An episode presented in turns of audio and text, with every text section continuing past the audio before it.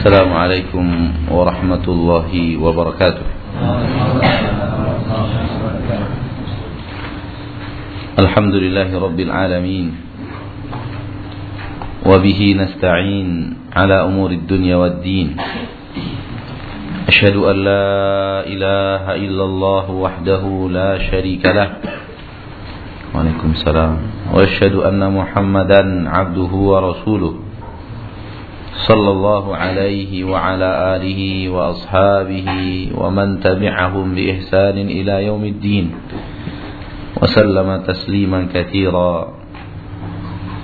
أما بعد الحمد لله الحمد لله رب العالمين yang kembali mempertemukan kita dengan segala rahmat dan karunia-Nya kita telah mengisi waktu kita dan akan mengisi waktu kita dengan segala ketaatan kepada Allah Subhanahu wa taala. Terhitung daripada niat saja ingin menghadiri majelis taklim itu adalah ibadah. Kemudian langkah demi langkah yang telah kita langkahkan menuju rumah Allah ini adalah ibadah. Menanti datangnya waktu salat, Salat mendengarkan azan, salat sunat, salat fardu, salat sunat. Dan duduk kita sekarang adalah ibadah. Yang semuanya itu akan dicatat oleh malaikat Allah bernama Raqib untuk kemudian memberikan kebahagiaan kepada kita pada hari tidak akan bermanfaat harta dan kedudukan keluarga dan keturunan namun semua itu baru akan berbuah apabila kita ikhlas menjalankannya karena Allah Subhanahu wa taala. Kalau tidak ibadah itu akan terbuang percuma, lenyap. Tidak ada arti daripada amalan yang seperti ini kalau seandainya tidak dijalankan demi mengharapkan rahmat Allah, ridho Allah, berharap bertemu Allah dan melihat wajahnya di surga Allah tabaraka wa taala. Pertemuan kita yang lalu adalah jawaban pertama atas syubhatnya orang-orang musyrikin, orang-orang yang melakukan kesyirikan diharapkan kita sedikit maju dan bergeser ke kanan karena sepertinya masih ada ikhwan-ikhwan kita yang belum masuk.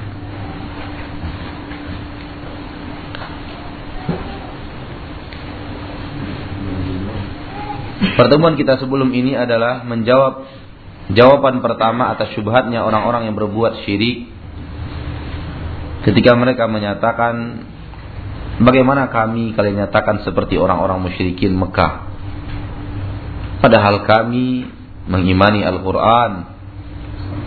Kami tidak mendustakan hari berbangkit. Kami salat, kami zakat, kami bersyahadat. Sementara orang-orang musyrikin tidak melakukan itu. Mereka mendustakan Al-Quran. Mereka, mereka, dan mereka. Jawaban pertama yang telah kita pelajari kemarin bahwa sepakat para ulama bahwa mengingkari satu saja daripada kewajiban yang ada di dalam syariat kufur. Mengeluarkan orang dari agama Islam. Seperti orang yang bersyahadat kemudian dia zakat kemudian dia puasa kemudian dia berhaji berinfak bersodakoh dan segala macamnya. Membangun masjid namun dia tidak meyakini wajibnya salat. Kafir keluar dari agama Islam Begitu juga apabila dia bersyahadat berulang-ulang, kemudian dia salat, kemudian dia berpuasa, kemudian dia berhaji, kemudian dan kemudian, tapi dia tidak mau dan tidak meyakini wajibnya zakat. Kufur keluar dari agama Islam. Dan begitu seterusnya. Kalau kemudian mengimani sebahagian daripada agama Islam dan kufur terhadap sebahagian adalah kekufuran yang sebenarnya. Demikian juga kalau Anda mengingkari tauhid. Berarti Anda mengimani hari berbangkit, mengimani puasa, mengimani haji dan semacamnya daripada rukun-rukun Islam dan syariat-syariat Allah Subhanahu wa taala namun Anda ingkari yang satu ini. Anda melakukan hal yang bertentangan 180 derajat 100% dengan tauhid, maka Anda telah menggugurkan satu hal yang merupakan kewajiban besar dalam agama Islam. Sebagaimana orang yang tidak meyakini adanya sholat adalah kafir dengan ijma'nya para ulama, demikian juga apabila orang mengingkari tau tauhid. Ini jawaban yang pertama. Jawaban yang kedua, apa yang akan kita pelajari pada malam hari ini? Berkata Syekh Muhammad bin Abdul Wahab rahimahullah. Wa yuqalu aidan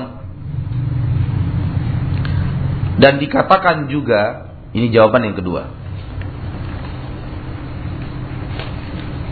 Idza kunta tuqirru. Apabila engkau telah mengakui anna man saddaqa ar-rasula fi kulli syai'in bahwasanya orang yang telah membenarkan Rasul dalam segala sesuatu. Wajahada wujub salah. Namun dia kemudian mengingkari kewajiban salat. Apabila telah Anda akui fahuwa kafirun halamud halalud dami wal mali bil ijma' dia adalah orang yang kafir keluar dari agama Islam halal darahnya dan halal hartanya dengan ijma' sepakat Anda untuk mengatakan itu Wa kadzalika idza aqarra bi kulli syai'in illa al-ba'ats. Demikian juga kafirnya orang yang mengakui segala sesuatu yang ada dalam agama Islam kecuali hari berbangkit. Segala sesuatu diakui.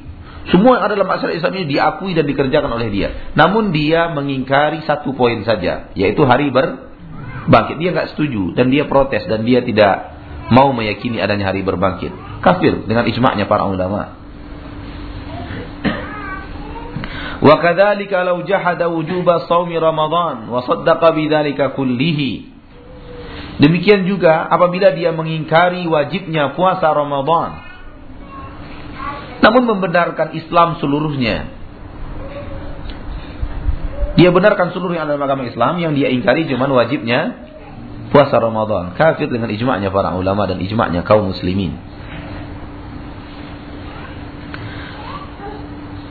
La yajhadu hadha wa la yaqta wa la taqtalifu madhahibu fihi. Tidak akan ada yang mengingkari keputusan yang di atas. Tidak akan ada orang yang berani mengingkarinya.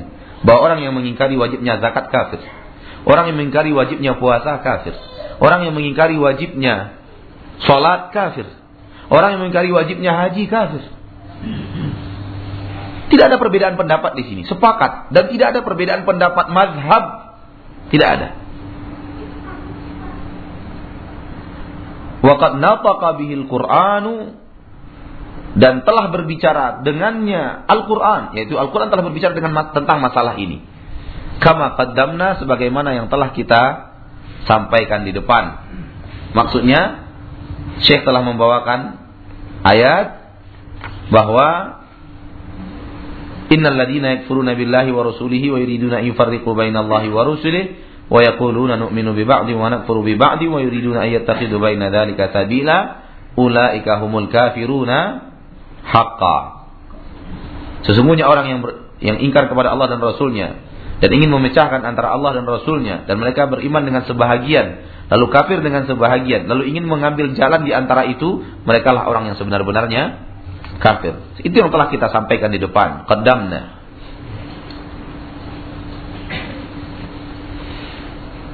Datang bantahan. Ini masih yang tadi. Masih bantahan yang pertama. Datang bantahan yang kedua. Fama'lumun. Maka telah diketahui oleh orang-orang yang mengetahuinya.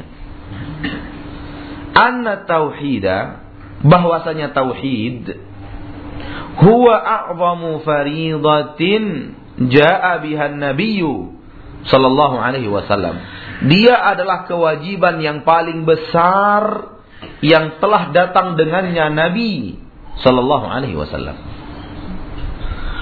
Bantahan yang kedua terfokus kepada poin kalau anda meyakini wajibnya salat dan anda yakini orang yang mengingkari wajibnya salat adalah kafir, ketahui juga lah bahwa tauhid adalah sebuah kewajiban, bahkan dia kewajiban yang paling besar yang telah dibawa oleh Nabi Muhammad sallallahu alaihi wasallam.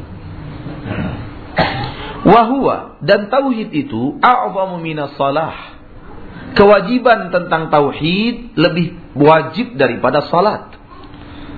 Wazakah lebih wajib daripada zakat. Wasaum lebih wajib daripada saum wal haj lebih wajib daripada haji.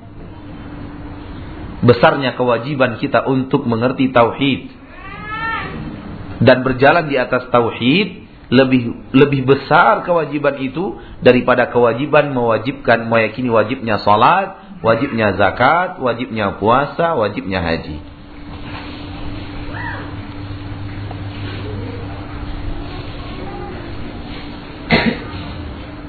Fakaifa idza jahada al-insanu syai'an min hadhihi al-umur kafar? Bagaimana Apabila ada orang yang mengingkari satu saja dari masalah yang ada ini, dia menjadi kufur. Maksudnya masalah yang ada, sholat, zakat, puasa, haji, hari berbangkit. Yang selain tauhid maksudnya.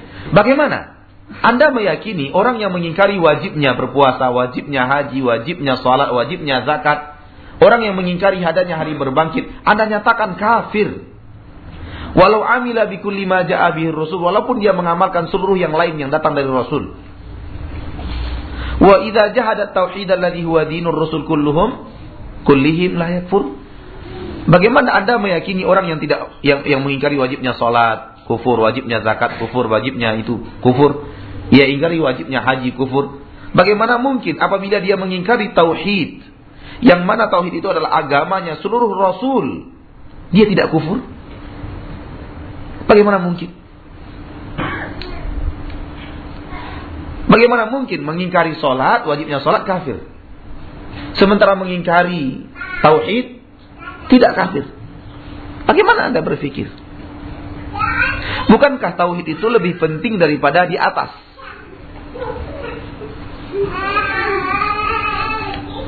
Di sini kita tambahkan sebuah ilmu atau sebuah pemahaman yang ingin ditekankan oleh Fadilatul Syekh di dalam pembahasan ini bahwa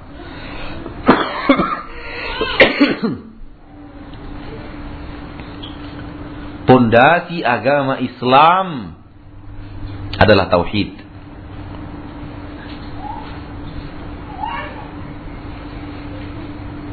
Bukan hanya Islam yang dibawa oleh Rasulullah sallallahu alaihi wasallam Muhammad bin Abdullah, tapi Islam yang dibawa oleh Nabi Isa, Islam yang dibawa oleh Nabi Musa, Islam dibawa oleh Nabi Dawud, Islam dibawa oleh Nabi Yusuf, Islam dibawa oleh Nabi Adam, Islam dibawa oleh Nabi Nuh, Ismail.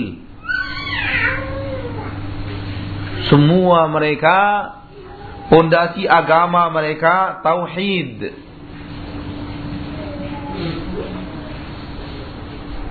Agama seluruh nabi, semuanya dalam kata-kata ini. Agama seluruh para nabi. Tauhid ini beribadah hanya kepada Allah dan tidak berbuat syirik. Ini pondasi agama seluruh para nabi dan rasul.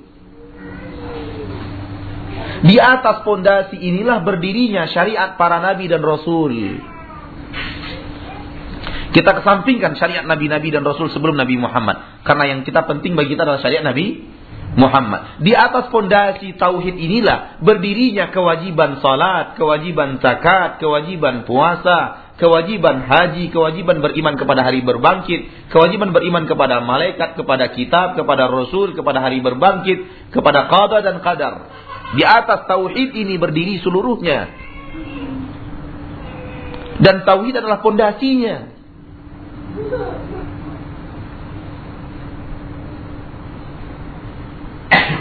Bagaimana mungkin?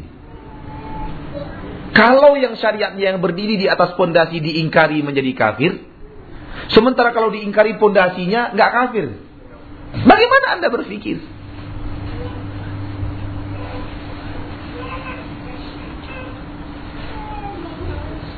Bangunan ini terdiri dari dua unsur. Pondasi dan bangunan yang dibangun di atas pondasi itu. Betul atau tidak? Apa mungkin dinding ini bisa bertahan tanpa pondasi di bawah? Apa mungkin konsep ini bisa bertahan tanpa pondasi di bawah? Apa mungkin atap ini bisa bertahan tanpa pondasi di bawah? Mustahil. Sekarang kalau cuman pintunya yang dicopot, Anda bilang kafir. Anda nyatakan kafir. Orang yang meyakini wajibnya mengingkari wajibnya sholat dan sholat adalah bagian daripada sesuatu yang berdiri di atas pondasi ini. Kita ibaratkan pintu ini dicabut dari tempatnya. Anda nyatakan kafir. Kalau loteng ini dicabut dari tempatnya, Anda nyatakan kafir. Bagaimana dengan orang yang mencabut pondasinya?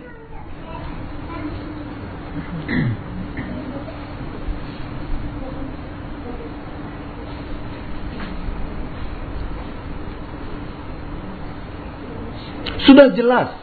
Kalau pondasi yang disebut, dicabut, dihilangkan, semua bangunan yang ada ini rontok.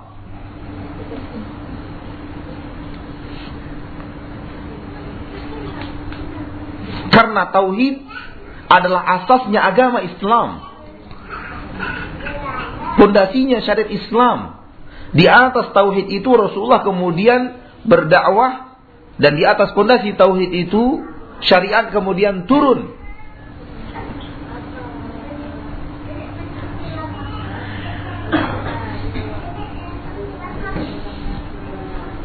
Bahkan sekian selama sekian tahun umat Islam hidup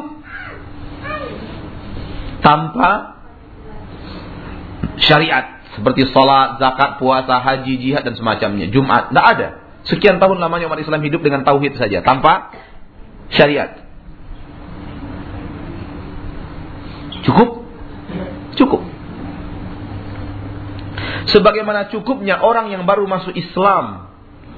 Cukup bagi mereka tauhid saja sebelum datang kewajiban yang lain kepada mereka. Dan seandainya mereka wafat hanya dengan tauhid saja, sebelum mereka menjalankan kewajiban cabang-cabang yang ada dalam agama Islam, cukup itu bagi mereka sebagai keislaman. Contoh. Hari ini jam 8 pagi seorang kafir masuk Islam. Jam 8 pagi. Asyhadu an la ilaha illallah wa asyhadu anna Muhammadar Rasulullah. Masuk dia dalam agama tauhid. Dia yakini Allah sebagai Robnya. Sebagai ilahnya. Dia yakini Nabi Muhammad sebagai Rasulnya. Jam 8 pagi. Masuklah dia dalam agama tauhid. Dan dia tidak mengerjakan kesyirikan, tidak mengerjakan kekufuran. Jam 10 pagi ditabrak mobil, koma, jam 12 siang meninggal.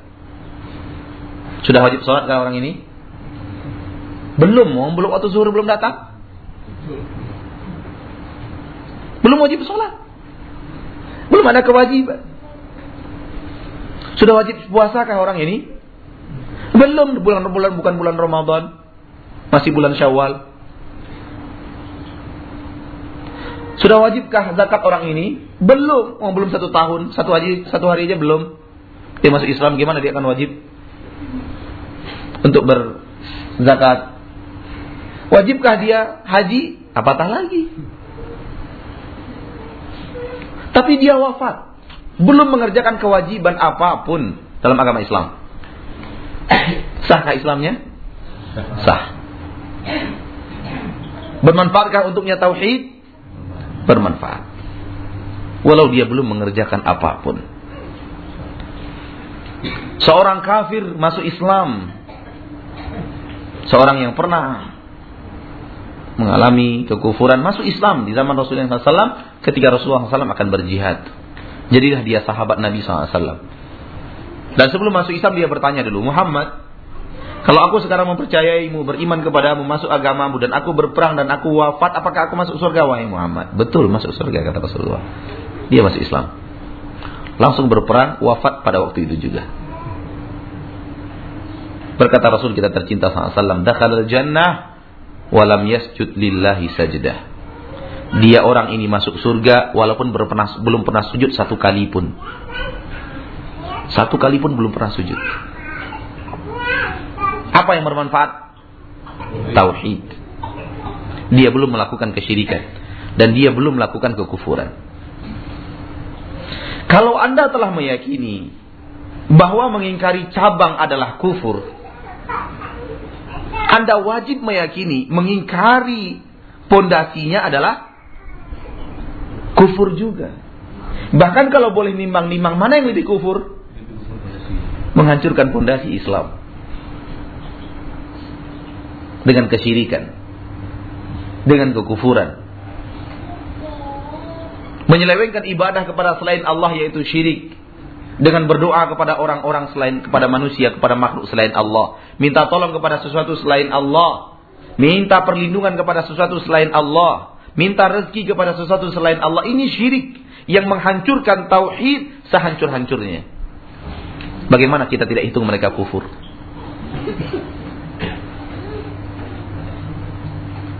Padahal yang dihancurkan itu pondasi agama Islam. Bukan hanya Islam Nabi Muhammad. Tapi Islam seluruh para nabi dan para para rasul. Bagaimana orang yang menghancurkan tauhid yaitu pondasi Islam hanya karena dia mendakwahkan dirinya orang Islam nggak jadi kafir?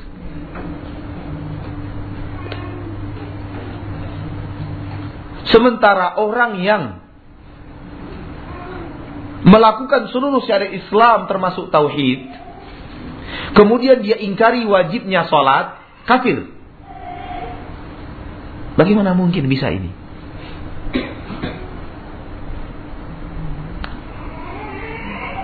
Orang yang menghancurkan fondasi dengan mengakui dirinya Islam, bersyahadat, sholat, zakat, tidak kafir. Fondasi dihancurkan oleh dia.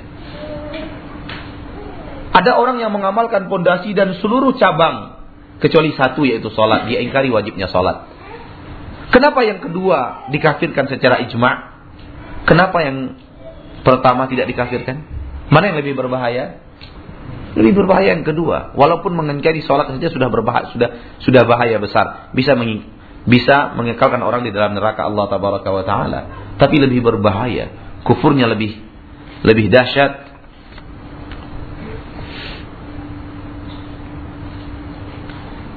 Ini yang perlu kita ketahui bahwa tauhid adalah asas agama Islam. Kalau kita boleh ibaratkan kepada sebuah batang pohon, maka batang pohon itu adalah tauhid itu adalah uratnya dan batangnya. Dari urat ke batang ini, ini adalah tauhid. Kemudian dari batang akan timbul cabang-cabang. Di situ ada syahadat, ada salat, ada zakat, ada puasa, ada haji, ada iman kepada malaikat, iman kepada kitab, iman kepada rasul, iman kepada hari akhir, iman kepada qada dan qadar. Inilah dia sebuah patang iman dan Islam. Yang di puncaknya ada sebuah yang disebut dengan ihsan. Inilah dia pohon Islam itu. Kalau ada kemudian satu orang menebang satu cabang, ditebak oleh dia cabang puasa. Wah, puasa ini dibuang aja dari Islam. Kafir. Kafir enggak? Kafir.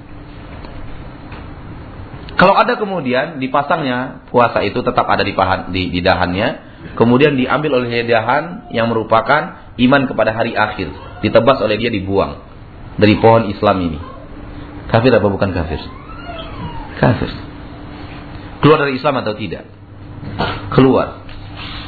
Dengan ijma'nya para ulama dan ijma' seluruh madhab yang ada di dalam agama Islam yang hak. Lalu bagaimana dengan yang buang pohonnya? Dan meninggalkan cabang-cabangnya. Masih Islam? Yang dibuang oleh dia mulai dari akar sampai seluruh atas batangnya. Semua dibuang oleh dia. Dibiarkan cabang-cabangnya bergelantungan. Bisakah cabang itu bergelantungan tanpa pohonnya? Nggak bisa. Lalu bagaimana Anda bisa memahami orang yang menghancurkan tauhid tidak keluar dari agama Islam disebabkan dia masih sholat, disebabkan dia masih zakat, disebabkan dia masih berpuasa, disebabkan dia disebabkan dia masih haji. Bagaimana Anda memahami agama Islam?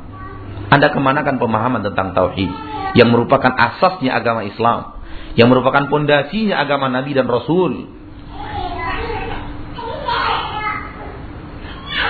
Dilanjutkan oleh beliau, Subhanallah. Ma'ajaba hadzal jahal. Maha suci Allah. Kalimat subhanallah diucapkan apabila kita terheran-heran. Apabila kita terheran-heran, disunatkan untuk mengucapkan subhanallah. Atau takbir. Allahu Akbar. Merasa kagum. Maaf, terheran-heran subhanallah. Kalau merasa kagum, disunahkan membaca takbir. Allahu Akbar. Bukan tepuk tangan. Tepuk tangan itu adatnya orang di luar agama Islam. Wa ma kana salatuhum 'indal baiti illa muka'a wa tasdiya. Salat mereka di di bait, di Ka'bah, salatnya orang musyrikin hanya tepuk tangan dan siulan.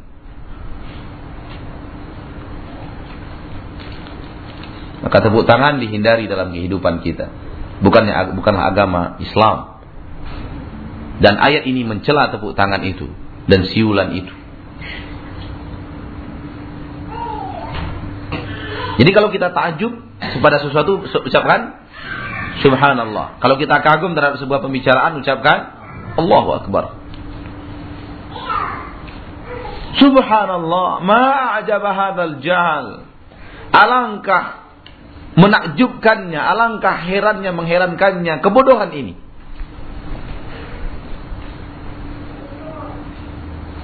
Yang kalau pintu pintu dicabut dibilangnya kafir. Kalau atapnya dicabut dibilangnya kafir. Kalau jendelanya dicopot dibilangnya kafir. Tapi kalau pondasinya yang dicopot dibilang nggak kafir. Kalau dahan pertama dibuang disebut orang kafir. Dahan ketiga dibuang disebut orang kafir. Dahan yang paling ujung dibuang disebut orang kafir. Tapi kalau pohonnya saja dibuang, dahannya akhirnya rontok gara-gara pohonnya disebut tidak kafir. Bagaimana mungkin? Dan kebodohan itu datang dikarenakan mereka tidak tahu apa itu agama Islam. Di atas apakah berdirinya syariat Islam mereka tidak paham. Dan itu disebabkan karena agama hanya tiru meniru. Berhubung yang ditiru salah, akhirnya agamanya pun ikut salah. Namun dihiasi oleh syaitan merasa apa yang mereka lakukan itu baik. Apa man zuyyina lahu amalihi fara'ahu hasana. Apakah orang-orang yang telah dihiasi untuknya pekerjaannya sehingga dia memandang pekerjaannya adalah baik. Syaitan menghiasi untuk manusia perbuatan salah sehingga orang itu akan memandang apa yang dilakukan adalah benar. Sebab kalau bersyaitan berhasil untuk memandang pekerjaan itu adalah benar, padahal itu salah, syaitan udah nggak repot-repot. Orang ini susah untuk taubat. Berbeda dengan orang yang ditipu oleh syaitan untuk berbuat salah, sementara syaitan tidak berhasil menipu keyakinannya bahwa itu adalah benar. Syaitan tidak berhasil menipu dia untuk menyatakan yang dia kerjakan adalah benar. Tidak berhasil setan. Tetap orang ini berkeyakinan yang dia kerjakan adalah salah. Sementara di sudut lain ada orang yang di, dihiasi oleh setan pekerjaannya sehingga yang salah yang dia kerjakan dipandang ber, berhasil setan untuk membuat orang ini memandang pekerjaannya benar. Mana yang lebih berat? Kedua. Pertama atau kedua? Kedua. Orang yang berhasil ditipu oleh syaitan melakukan kesalahan dan setan berhasil menambahkan sebuah makarnya, orang ini berhasil memandang yang salah itu adalah benar. Itu susah sekali mengikat, mem, mem, membuat orang ini taubat.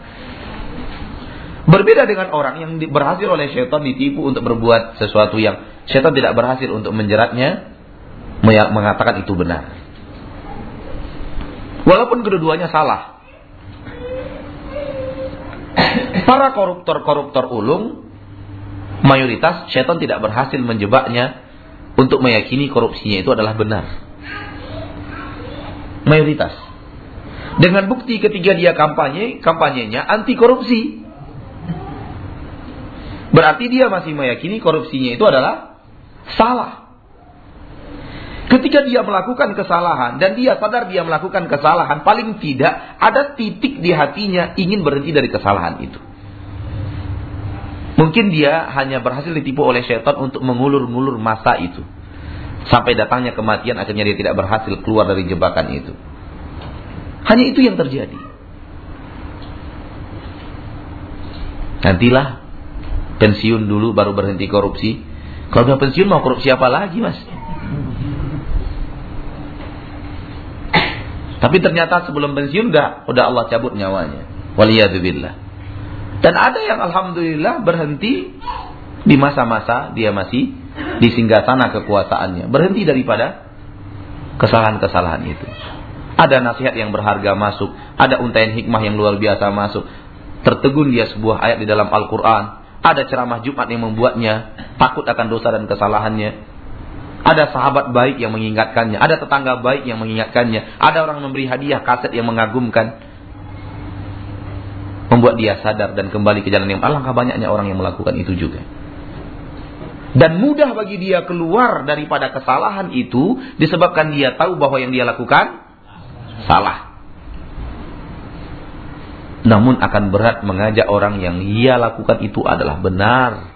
Menurut dia. Padahal menurut kacamata syariat itu adalah salah. maka akan mudah menegur orang yang mabuk dibanding menegur orang yang yasinan. Kenapa? Karena orang yang mabuk sadar bahwa dia melakukan kesalahan. Buktinya mabuknya sembunyi-sembunyi.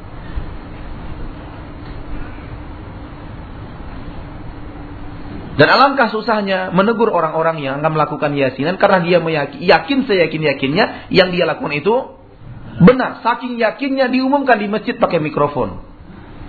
Saking yakinnya itu benar.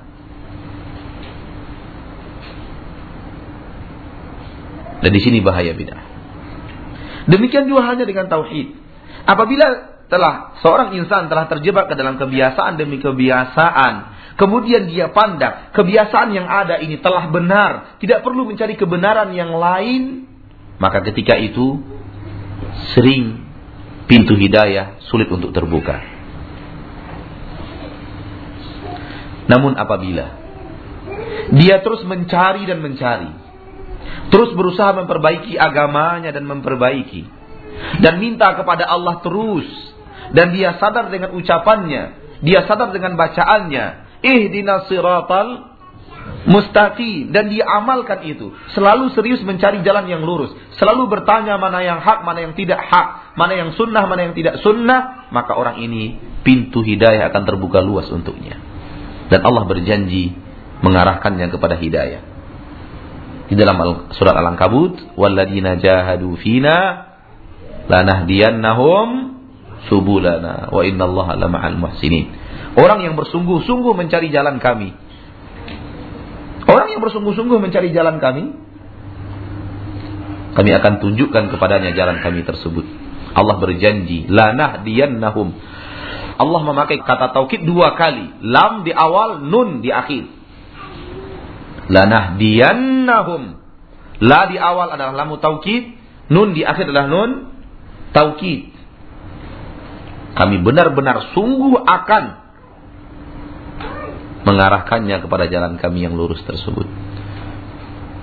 Jadi kalau sudah ada keseriusan untuk mencari yang benar dan tidak ada ta'assub dan tidak ada taklid dan tidak ada merasa sudah benar nggak perlu lagi untuk mencari orang seperti ini akan mudah untuk sampai kepadanya hidayah Allah tabaraka wa taala. Semoga Allah menjadikan kita orang-orang tersebut.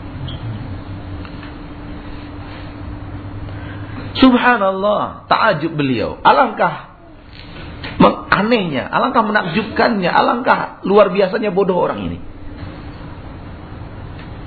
Yang kalau cabang pertama dicabut disebutnya kafir, cabang kedua dicabut disebut dicabut disebutnya kafir, cabang kelima dicabut disebutnya kafir, tapi kalau pohon saurat-uratnya dicabut dibilangnya nggak kafir. Alangkah anehnya orang ini.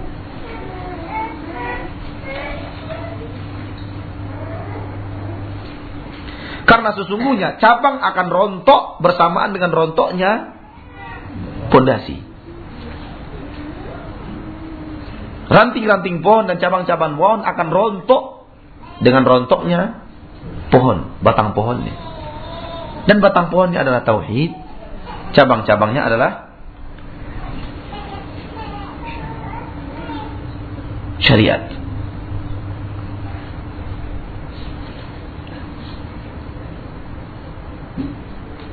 Tidak ada lagi hal yang lebih menakjubkan. Tidak ada lagi hal yang lebih bodoh tidak ada lagi hal yang lebih jelek apabila Anda mengakui orang yang mengingkari satu cabang daripada cabang-cabang Islam kafir namun orang yang mengingkari tauhid tidak kafir. Tidak ada lagi yang lebih menakjubkan kebodohan daripada itu. Tidak ada lagi hal yang paling aneh melebihi itu. Tidak ada lagi keterbalikan pemahaman yang lebih dahsyat melebihi hal yang demikian. Semua ini adalah jawaban atas ungkapan mereka bagaimana kalian menyatakan kami sebagai orang yang keluar dari agama Islam. Bukankah kami sholat? Bukankah kami tahajud? Bukankah kami puasa? Bukankah kami yakin dengan hari berbangkit? Kami kan hanya minta dekatkan kami kepada Allah, kepada wali fulan. Hanya itu yang kami kerjakan. Nggak ada yang lain yang aneh-aneh, nggak ada. Nah. Nggak ada yang aneh-aneh katanya. Padahal yang dia kerjakan adalah yang paling paling aneh. Gitu. Lebih aneh dari orang yang mengingkari sholat. Lebih aneh dari orang yang mengingkari puasa. Namun karena tidak mengerti Islam itu apa, dianggapnya itu hal yang seperti orang-orang musyrikin berkata kepada Rasulullah SAW, "Ma na'buduhum illa liyuqarribuna ila Allah zulfa." Kami nggak nyembah mereka wahai Muhammad. Kami nggak nyembah mereka.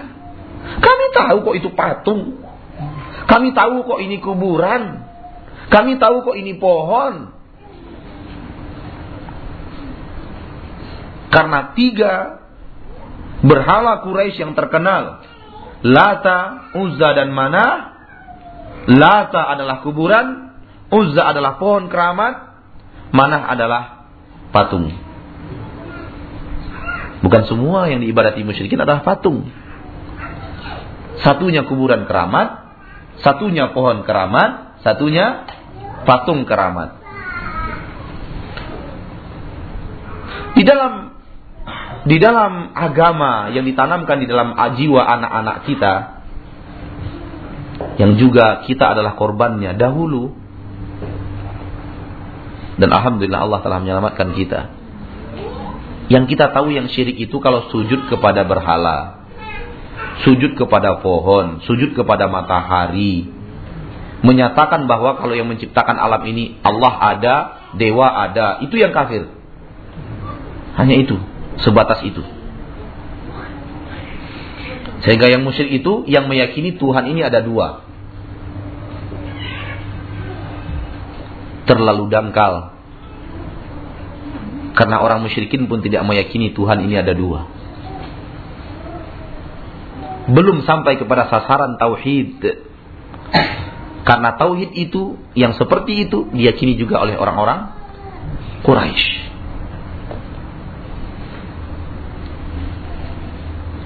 Saya mengatakan korban karena saya sudah pernah menjadi saksi mata. Saya bertanya kepada anak-anak tingkatan SMU di sebuah sekolah yang disebut dengan sekolah Islam titik-titik di sebuah acara pesantren kilat di Ramadan saya bertanya siapa Allah? Tak seorang pun yang mampu menjawab dengan benar semua itu diakibatkan oleh dangkalnya tauhid. Sehingga tidak mengerti bagaimana harus menjawab ketika seorang ditanya Allah itu siapa? Siapa Rob yang anda ibadati? Padahal itu pertanyaan malaikat di dalam kubur nantinya. Man buka siapa Robmu? Betul atau tidak? Di dunia saja lisan yang bisa di setel nggak bisa jawab. Sebagian mengatakan Allah itu yang menurunkan hujan tak Allah itu yang menciptakan langit dan bumi Habis. Allah itu yang menghidupkan dan mewafatkan. Allah itu yang memberi kita rezeki. Allah itu agamanya orang Quraisy. Waliyadzubillah. Kemudian saya katakan kepada mereka, siapa mereka ini? Anak-anak SMU Islam titik-titik. Saya katakan kepada mereka, seandainya hanya ini saja akidah kalian tentang Allah, sama akidah kalian dengan akidah Quraisy. Ah. Kalau jawaban kalian hanya ini, nggak nggak lebih daripada jawaban ini sekarang, saya pancing siapa lagi yang bisa menambahkan? Siapa lagi yang bisa menambahkan? Saya sangat berharap ada yang menjawab benar. Menyambungkan Allah pencipta langit dan bumi, pemberi rezeki, pengatur alam yang tidak boleh disekutukan dengan siapa pun. Itu dia tauhid. Rob yang wajib diibadati satu-satunya yang tidak boleh disekutukan dengan siapa pun, memiliki nama dan sifat yang mulia dan sempurna. Itulah dia Allah.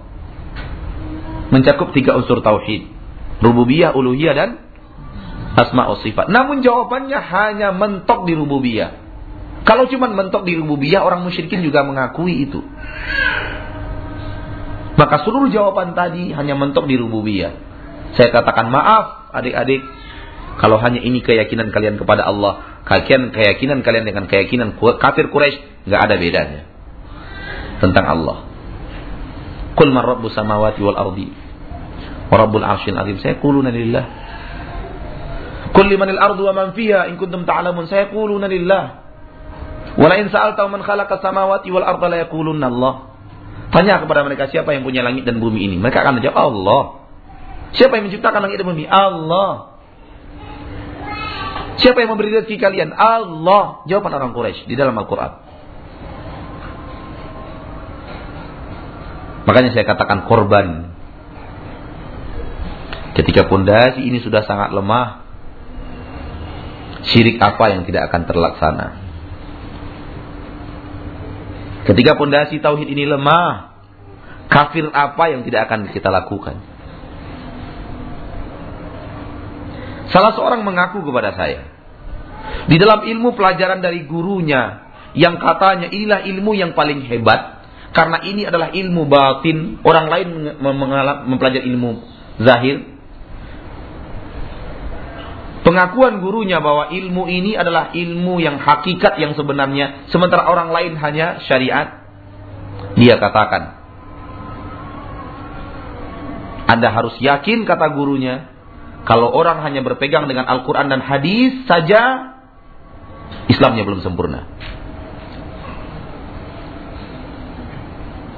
Cukup satu keyakinan ini mengeluarkan dia dari agama Islam. Karena apa? Karena Nabi kita Muhammad SAW mengatakan hanya Al-Quran dan hadislah tempat berpegang teguh yang membuat orang tidak akan sesat untuk selama-lamanya. Tapi dia katakan, Anda harus meyakini orang yang memegang Al-Quran dan hadis saja tidak bisa beragama dengan baik. Sampai dia mempelajari ilmu kita ini. Ilmu hakikat. Hakikatnya syaitan. Dan bala tentaranya. Sehingga tidak perlu ilmu tentang Al-Quran. Kalau Al-Quran dan hadis saja kurang, tidak sempurna. La haula wa la quwata illa billah. Kekufuran apalagi di balik semua ini. Lengkap sudah.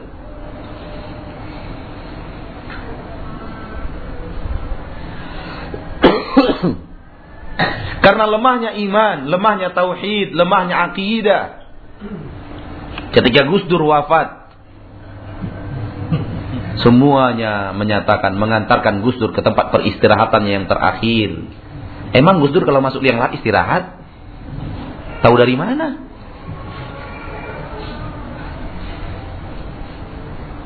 Mengatakan masuk ke lubang kubur istirahat untuk selama-lamanya. Akidah orang kafir. Karena akidah orang mukmin, kehidupan pasca kematian lebih panjang, lebih berat daripada kehidupan dalam dalam di alam dunia ini. Itu akidahnya orang mukmin. Namun lantunan-lantunan nikmat tanpa diperhitungkan, tanpa disaring dengan saringan akidah yang benar, dipertontonkan kepada jutaan manusia. Fala haula wala quwata illa billah. Dan mereka semua korban.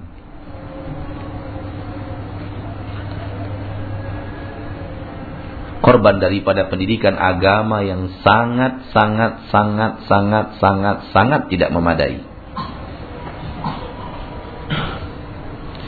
Di saat ilmu agama komplit di dalamnya tafsir, hadis, fikih, apalagi muamalah, adab, akhlak, ilmu agama Ah, sama dengan ilmu matematika.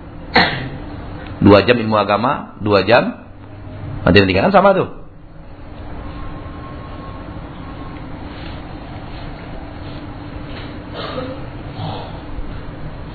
Setara ilmu agama, matematika.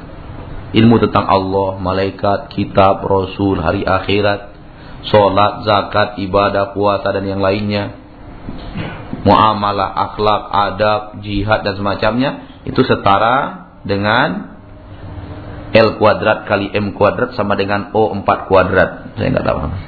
Itu setara itu, setara. Cukup ini dua, ini dua, pas. Imbas. Balance. Korban. Itulah yang kemudian lahirlah generasi-generasi Islam.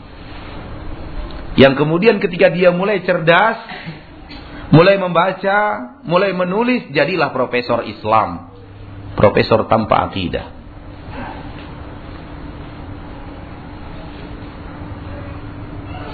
Akhirnya karena pintar berbicara, sering disorot kamera, bayar untuk disorot kamera, jadi terkenal, masuk dalam organisasi cendikiawan. Sehingga ketika ada seorang anggota cendikiawan muslim masuk kepada pondok pesantren, kemudian guru pesantren itu dengan bangga memperkenalkan salah satu muridnya. Ini Pak, murid saya Fulan bin Fulan sudah hafal 30 juz. Bapak mau bertanya? Ya, saya mau bertanya. Tinggal berapa juz lagi?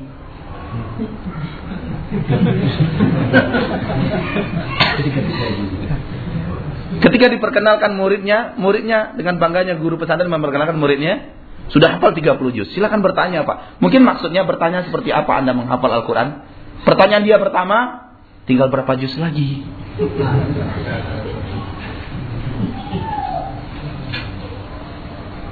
Cocok orang itu jadi cendekiawan muslim? Kebangatan udah. Kebangatan panitia cendekiawan muslim ya. Kok orang ini dimasukkan cendekiawan muslim? Ya nggak ngerti Al-Quran itu 30 juz nggak ngerti.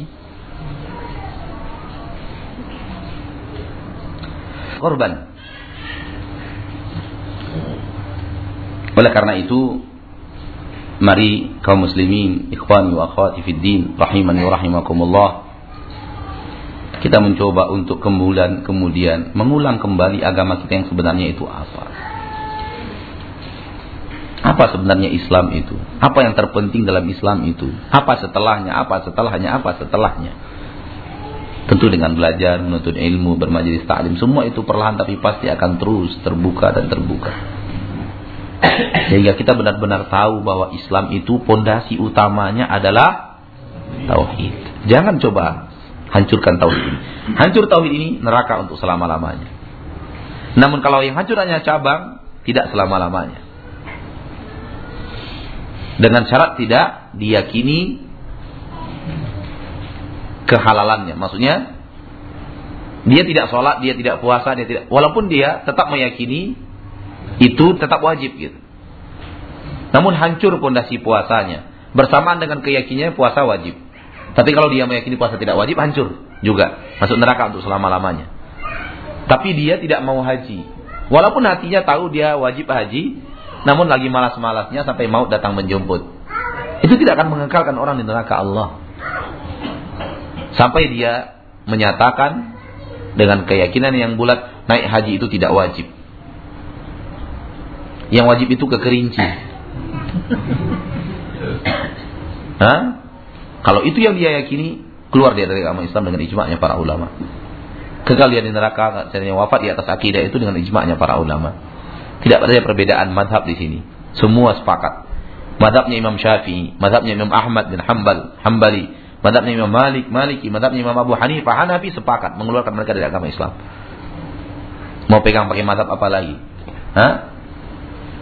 Tidak tersisa kecuali mazhab Lia Eden